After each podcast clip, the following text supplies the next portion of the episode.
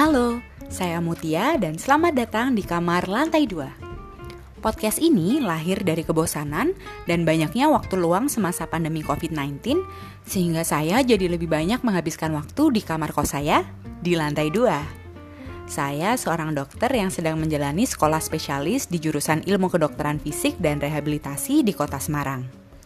Walaupun saya tenaga medis, podcast ini tidak akan melulu berisi tentang masalah kesehatan.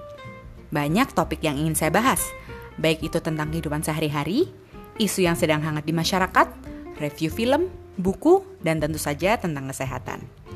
Tidak hanya berbicara sendiri, podcast ini juga akan mengundang banyak orang dengan berbagai persepsi untuk membahas topik-topik tersebut. Semoga nantinya podcast ini bisa bermanfaat ya. Salam dari kamar lantai 2.